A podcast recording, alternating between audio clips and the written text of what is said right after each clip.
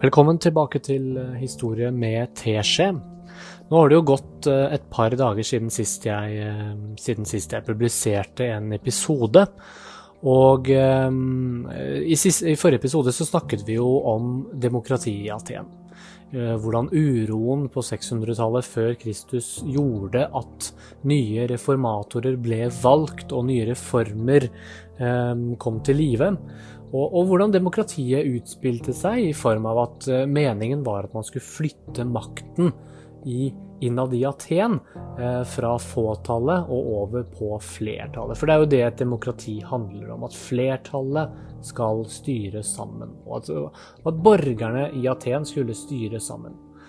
Men i denne episoden så skal vi nå forflytte oss litt over til det store og mektige Romerriket.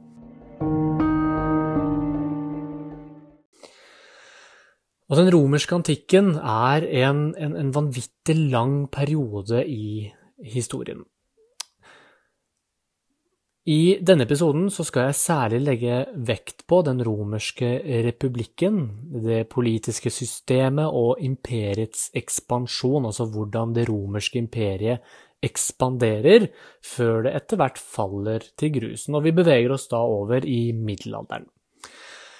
Den romerske republikken har sitt opphav i år 509 før Kristus, etter at befolkningen gjorde opprør og grunnla et såkalt folkestyre. Romerne oppretter en bystat kalt en republikk, og republikken faller i år 27 før Kristus. Når vi snakker om Roma, så kan det være faktisk ganske lurt å sammenligne det med noe annet. Og siden vi i forrige episode snakket om Aten, og hva en, en atensk borger var, hvem det var Vi snakket om at det var en mann som hadde fylt det og det, og som hadde fullført sin militærtjeneste. Så nå skal vi faktisk sammenligne Aten med Roma. Fordi i Aten så var du jo mann du var over 18 år, du måtte ha arvet din borgerrett, du måtte eie jord, du var hoppritsoldat. soldat. dette var ting du måtte være og ha for å kunne bli regnet som en borger i Aten. Vi hadde prinsippet som loddtrekning til de forskjellige embetene. Men i Roma så handler ting mye mer om penger. Fordi i Roma så måtte du ha en viss inntekt for å bli regnet som en borger. Du måtte ha en viss eiendom også. Og det var selvfølgelig kun menn uh, som eier nok eiendom, som fikk være med. Forskjellen fra Aten var at uh, borgerretten arves ikke.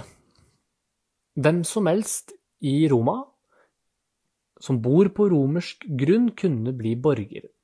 Man måtte ikke ha to foreldre fra Roma for å få borgerrettigheter. Og dette gjorde jo at flere ble inkludert i det romerske imperiet. I Roma så har man ikke likhet for loven. Man har såkalte patrisiere, som er veldig viktige, som vi kommer til etter hvert, som stilte til valg. Man har embeter som baserte seg på hvilken inntekt du hadde, så det vil si at de med mest inntekt fikk de beste embetene. Skulle du sitte i senatet eller byrådet, så skulle man helst være patricier og ha en veldig god inntekt. Så, hvem var en romersk borger? Jo, det første var jo det vi nettopp nevnte, med at en romersk borger, for å bli regnet som en romersk borger, så var dette inntektsbetinget.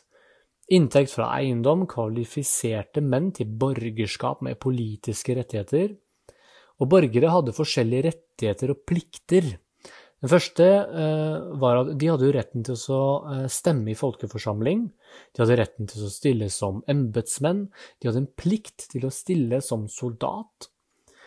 På lik linje, eh, kvinner og slaver var kvinner. Kvinner var altså borgere, men de hadde ikke politiske rettigheter. Og slaver var jo regnet som eiendom, og disse kunne frigjøres. Det vil si at hvis du var en slave, og du ja, plutselig steig litt opp i gradene, eller et eller annet sånt, så kunne du kjøpe deg ut av, av slavetittelen din.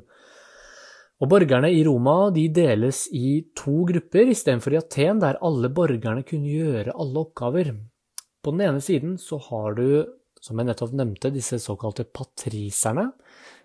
Patriserne kom fra de beste familiene. Det var de største landeierne, og de var en veldig liten del av befolkningen.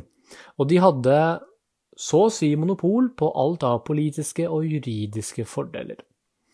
På den andre siden så har du de som heter plebeiere.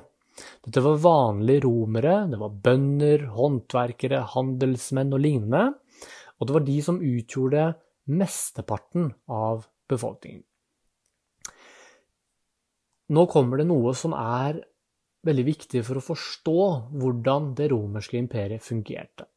Hvordan det politiske systemet fungerte. Fordi i Roma så har man på denne tiden noe som heter patron-klient-systemet. En patron er en mektig borger fra toppen av samfunnet, hvor hans, eller, hans oppgave var også å gi beskyttelse, penger og status. Dette ga tilgang til andre personer, som f.eks. tjenester og nettverk. Og klienten på andre siden var sosialt mye svakere borgere som ga støtte til patroner ved f.eks. valg og rettssaker, og dette gjorde jo at patronens makt økte, og innflytelse økte. Og det var kjempestatus for patrisere å være en patron. Og det var kjempeviktig for politikken i den romerske antikken. De var de såkalte milliardærene. De brukte pengene sine på folket for å få klienter, og for å da igjen få makt i politikken. Så skal vi litt over nå til det politiske systemet i Roma, altså SPQR, som er forkortelsen for det politiske systemet i Roma. Det politiske systemet i Roma er det vi kaller for en republikk, og det er en republikk styrt av de aller, aller rikeste. Republikken var et begrenset folkestyre, hvor borgerne fattet vedtak og lover i folkeforsamlinger, men de var begrenset av elitens makt, og tradisjoner om at borgerne skulle ledes av eliten. Aristokratiske embetsmenn styrte republikken på vegne av resten av borgerne, altså et såkalt oligarki, hvor kun menn fra de rikeste og mest fornemnede familier kunne være med. Så det var helt umulig for fattige å ta et embete. Det var altså aristokratene, de rikeste og de rikeste familiene, hadde embeter, altså de hadde monopol på alle disse embetene. Det er viktig å påpeke at den romerske republikken ikke var demokratisk. Bare fordi vi kaller noe for en republikk, så er ikke det nødvendigvis det vi kjennetegner som et demokrati. En republikk er mer at man velger noen som styrer for seg, mens et demokrati er at folket styrer sammen. Og så er det i Roma et, et, et type, en, en type maktsentral hvor all makten ligger. Og makten i det romerske politiske systemet ligger i det vi kaller for senatet. Og, det en, og dette er også grunnen til at man kaller det for en aristokratisk republikk, fordi makten lå hos de rikeste borgerne. Det kan minne om et demokrati, men til syvende og sist så blir folket og borgerne ledet frem til sine beslutninger av samfunnets elite. Så du har Vi deler gjerne det romerske eh, politiske systemet inn i tre deler. Du har på den ene siden, eller først ut, så har du embetsmenn. Som, hvor hvor embetsmenn blir valgt til å utføre oppgavene. Og i Roma så var det kun de rikeste som kunne stille til embetsmenn. De er folkevalgte gjennom folkeforsamlingen. Og det er de fra eliten som skal iverksette vedtakene som er fattet. Disse sitter som regel i ett år av gangen, og embetsmenn hadde vetorett, at eh, en embetsmann kunne stoppe andre embetsmenn. I midten så har vi det såkalte maktsentrumet, altså senatet, som var svært aristokratisk. Dette var Romas borgerelite, det var liksom de 300 tidligere rikeste embetsmennene som diskuterte politikk. Og oppgaven til senatet var enkelt og greit å bare gi råd til embetsmenn, altså de som skulle iverksette. Makten ligger hos senatet fordi disse er patroner. De får sin vilje gjennom sin status, og dette undergravde folkeforsamlingene, og tradisjon og patron, pa, uh, patron-klientsystemet påvirket borgerne til å fatte vedtak. Til sist har vi folkeforsamlingen. Alle romerske borgere med en viss inntekt kunne møte i folkeforsamlinger. Valg av embetsmenn, nye lover, folkedomstol, de kunne erklære krig, du kunne uh, avslutte krig, og skape og avslutte allianser. Og så fattet de beslutninger etter å ha blitt ledet dit av aristokratene. Det er jo noen forskjeller mellom Roma og, eh, Roma og Aten. I Aten så er det jo det vi husker som et direkte demokrati, hvor man selv er ansvarlig for å møte opp og si sin mening. Makten lå hos flertallet av borgerne. Man hadde det vi kaller for talefrihet, og alle borgere kunne diskutere innad sammen. I Aten så stemte man på egen hånd, og all politisk diskusjon skjer imellom alle sammen. Roma derimot er det vi kaller for en aristokratisk republikk, i parentes et oligarki.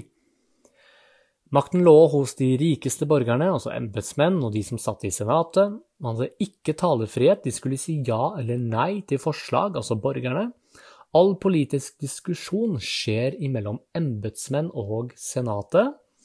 Og i Roma så hadde vi stemmegrupper. Folk ble satt i grupper der gruppen fatter én stemme til én oppgave, til, til, til en sak. Og det var en aristokratisk republikk fordi de rikeste styrer. Jeg får ikke sagt nok dette med at i Roma så er det Så handler det veldig mye mer om penger har du penger i Roma, så kan du komme veldig langt. I Aten så hadde ikke pengene så veldig mye å si. Så det er veldig viktig å, huske at i Roma så handler ting om penger. Har du penger, så kommer du langt. Ok, så har vi gått gjennom litt hva en romersk borger er.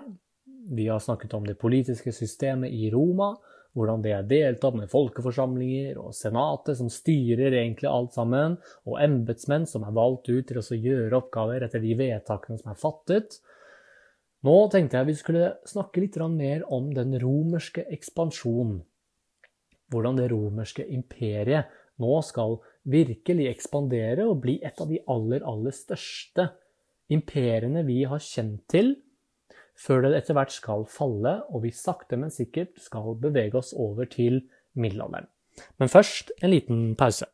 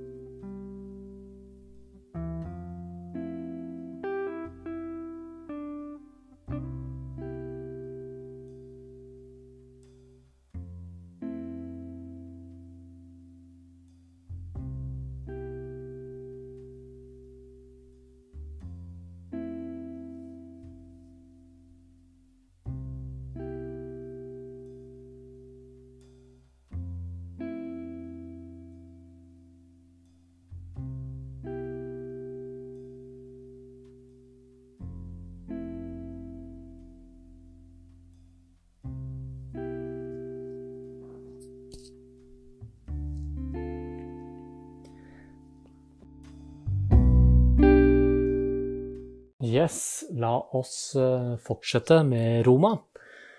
Vi er, eh, ja, som jeg nettopp eh, nevnte, vi er i Roma. Vi har beveget oss vekk fra Aten, og vi er Vi har fotfeste i Roma. Vi snakker om hvem en romersk borger er. Vi snakket litt om det, hvordan det politiske systemet i Roma fungerte. Nå skal vi mer inn på det romerske imperiet i sin helhet, og hvordan det ekspanderer til å bli et av de aller største imperiene vi har kjent til i vår historie. Det mektige, store romerske imperiet ble etablert i to faser. De erobrer, altså Romerne erobrer Italia mellom 509 og 265 før Kristus, og de neste 200 årene erobret de områdene rundt Middelhavet, altså mellom 265 før Kristus og helt fram til 14 år etter Kristus. I Roma så hadde man en såkalt militær kultur. I Roma så er krig makt. Romerne så på krig som noe bra, og når de erobret, så gjorde de det for å tjene penger. Vi har jo alle sammen sett filmer om det romerske imperiet. Alle har sett Gladiator og hvordan disse tingene her fungerer. Og når du ser på hvordan Roma ser ut, hvis du har sett et bilde av Roma, så kan man skjønne at i den byen så er det vanvittig mye penger. Det er gigantisk i Roma. Så penger er liksom den røde tråden som går igjen i Roma. Uansett hva de gjør, så handler veldig mye om penger. Har du penger, så kan du bli borger. Har du penger, så kan du sitte i senatet, eller du kan bli valgt som embetsmann. Penger er bra, og krig er bra. Så de har en, en militær kultur hvor de tenker at krig er makt, og romerne så på krig som noe veldig bra. Og de områdene som romerne um, erobret, ble kalt for det vi kaller for provinser. Det ga, plyndrings, uh, altså det, det ga plyndringsmuligheter, og det ga skatt- og avgiftinntekter til Roma, til de som bodde i provinsene, og da rant pengene inn. Så det vil si at når romerne kommer og erobrer et område, de kaller det for en provins, og så begynner de å skatte, skattelegge de menneskene som bor der. Det vil si at alle som bor i den provinsen, måtte betale til romerne, og når du tenker da på hvor svært egentlig Romerriket var, så kan man jo tenke seg hvor sinnssykt mye penger som, uh, som kom inn. Imperiet handlet veldig mye om en bykultur, og det romerske imperiet ble styrt gjennom byene. Og så har vi det vi kaller for den romerske provinsadministrasjonen. Fordi dette var et imperium uten byråkrati. Romerne overlot de som bodde på de forskjellige stedene til å styre seg selv. Men av og til så sendte de et begrenset antall embetsmenn bare for å sjekke at ting ble gjort skikkelig. Cirka, vi, vi har tall på det, men vi regner med ca. 200 romerske guvernører. Byene var selvstyrte med avtale om å følge romersk lov, betale skatt, sende tropper og holde en god administrasjon. Altså, romerne likte at ting var ryddig likte at ting var bra. De lot folk styre for seg sjæl, men de var veldig bevisst på at de som styrte for seg selv, de skulle følge romersk lov og ha en god administrasjon.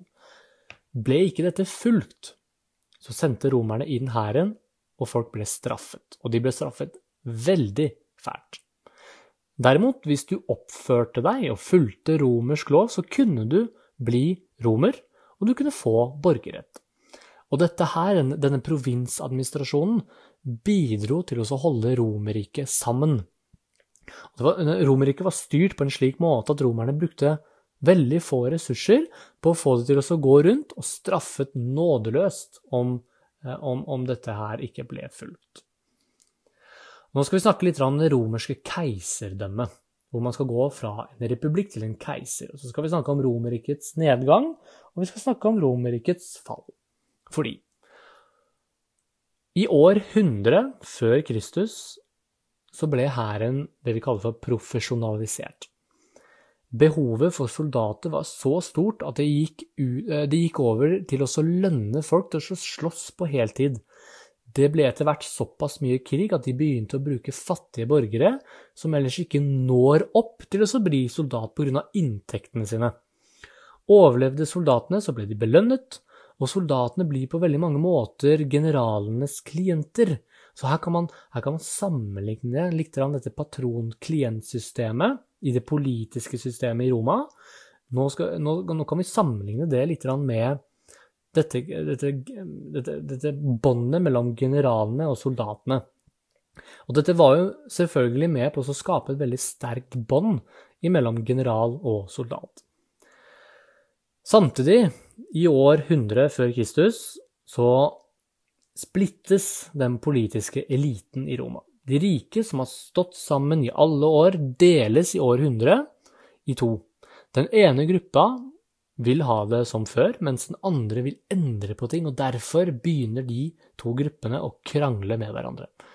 Dette resulterer i det vi eh, kaller for den romerske borgerkrigen fra år 49 til 31 før Kristus. Julius Cæsar er jo et navn vi alle kjenner til. Vi har sett utallige filmer om hvem Cæsar var, og hvor mektig han var. Men han begynte å krangle med senatet i Roma, og de slåss i åtte år. I åtte år så slåss de sammen. Han etablerer seg som keiser, men knapt et år senere så blir Julius Cæsar drept. Så i åtte år kjempet Cæsar og sin hær for å overleve, og knytter derfor det sterke romerske båndet patron-klient-båndet. Julius Cæsar går til krig mot senatet i Roma. Han etablerer seg som diktator på livstid, men blir drept kun et år etter av senatene, hvor klientene dreper patronen som lot dem leve etter borgerkrigen. Og grunnen til at de dreper ham Fordi Julius tok all makten, og det var ingen ære igjen til senatet. Og vi husker jo at all makten ligger jo egentlig i det romerske senatet. Så alle ville på en måte sette navnet sitt på kartet. Så var det jo da, etter at Julius eh, Cæsar død, så var det nevøen Oktavian eh, som vinner de påfølgende borgerkrigene. Oktavian ble keiser, altså Romas første keiser, i år 27. Som republikkens fremste borger fikk han alle fullmakter og, derfor, og får derfor navnet Augustus Cæsar. All makt i den romerske republikken var samlet rundt denne mannen fordi hele den romerske hæren var lojal mot Augustus. Det politiske spillet i republikken fortsatte i mange, mange år etter at keiserråden ble etablert, og de første, de første romerske eh, keiserne satt sammen med senatet og gjorde egentlig veldig lite ut av seg. Når vi snakker om romerske keisere Keisermakten gikk i arv, eller så skiftet de pga. Eh, borgerkrig. Som oftest så var det adoptivsønner eh, som var til for å ta over jobben. Og det var sjel veldig sjelden at det var deres egne sønner som tok over, for å ikke få det til å virke som et slags kongedømme.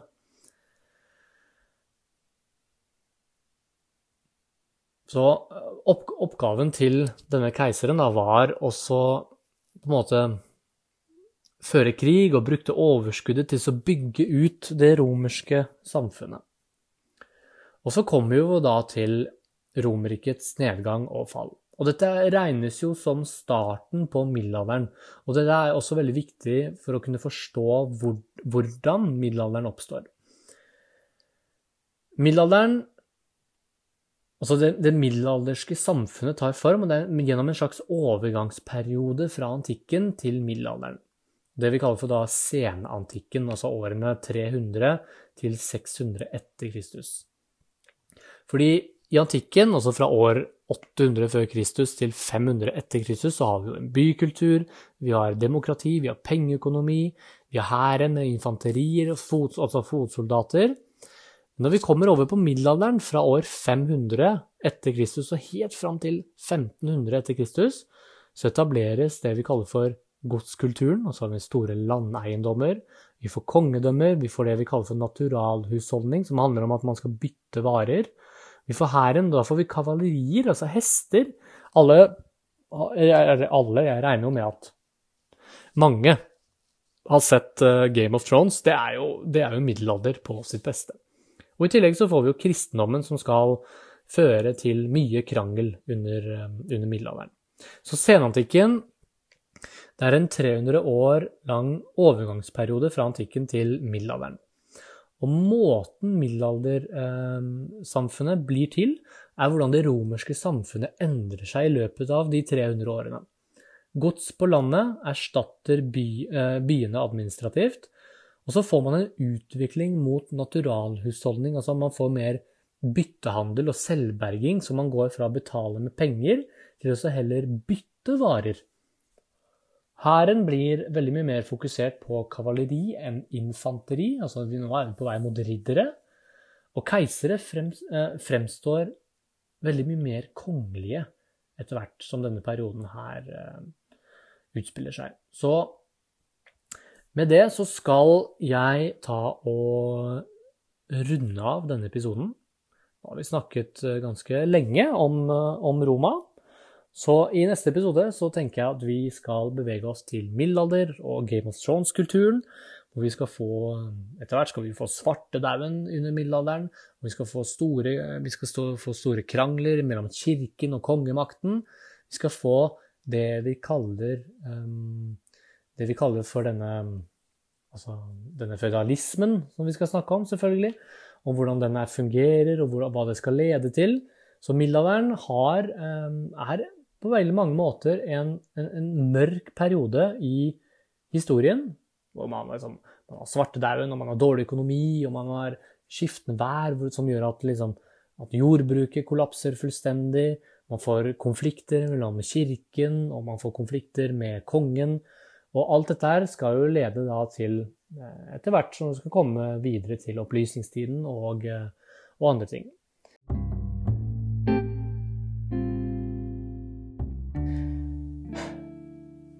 Er eh, det er slitsomt å snakke så lenge om, eh, om en periode i historien, men det er, eh, det er, forferdelig spennende. Så jeg håper jo at det ikke er altfor kjedelig. Mange tenker jo det at historie er, er, ganske, er ganske, kjedelig. Men hvis, hvis, man klarer å se de røde trådene i en periode, hvordan ting i antikken og i Roma og Aten osv. henger sammen med ting vi omgir oss med i dag, så tror jeg historie kan bli veldig interessant, fordi det er veldig viktig. Det er viktig å kunne litt om historie, om hvorfor ting er som de er i dag, og hvorfor ting er så bra som de er i dag. Så jeg kan love dere at uh, i det samfunnet vi lever i i dag, så er det folk før oss som har kjempa beinhardt for at vi skal ha det så veldig bra i dag. Og Derfor tenker jeg at det minste vi kan gjøre, er å, um, å interessere oss litt for disse menneskene som har kjempet for oss i mange år.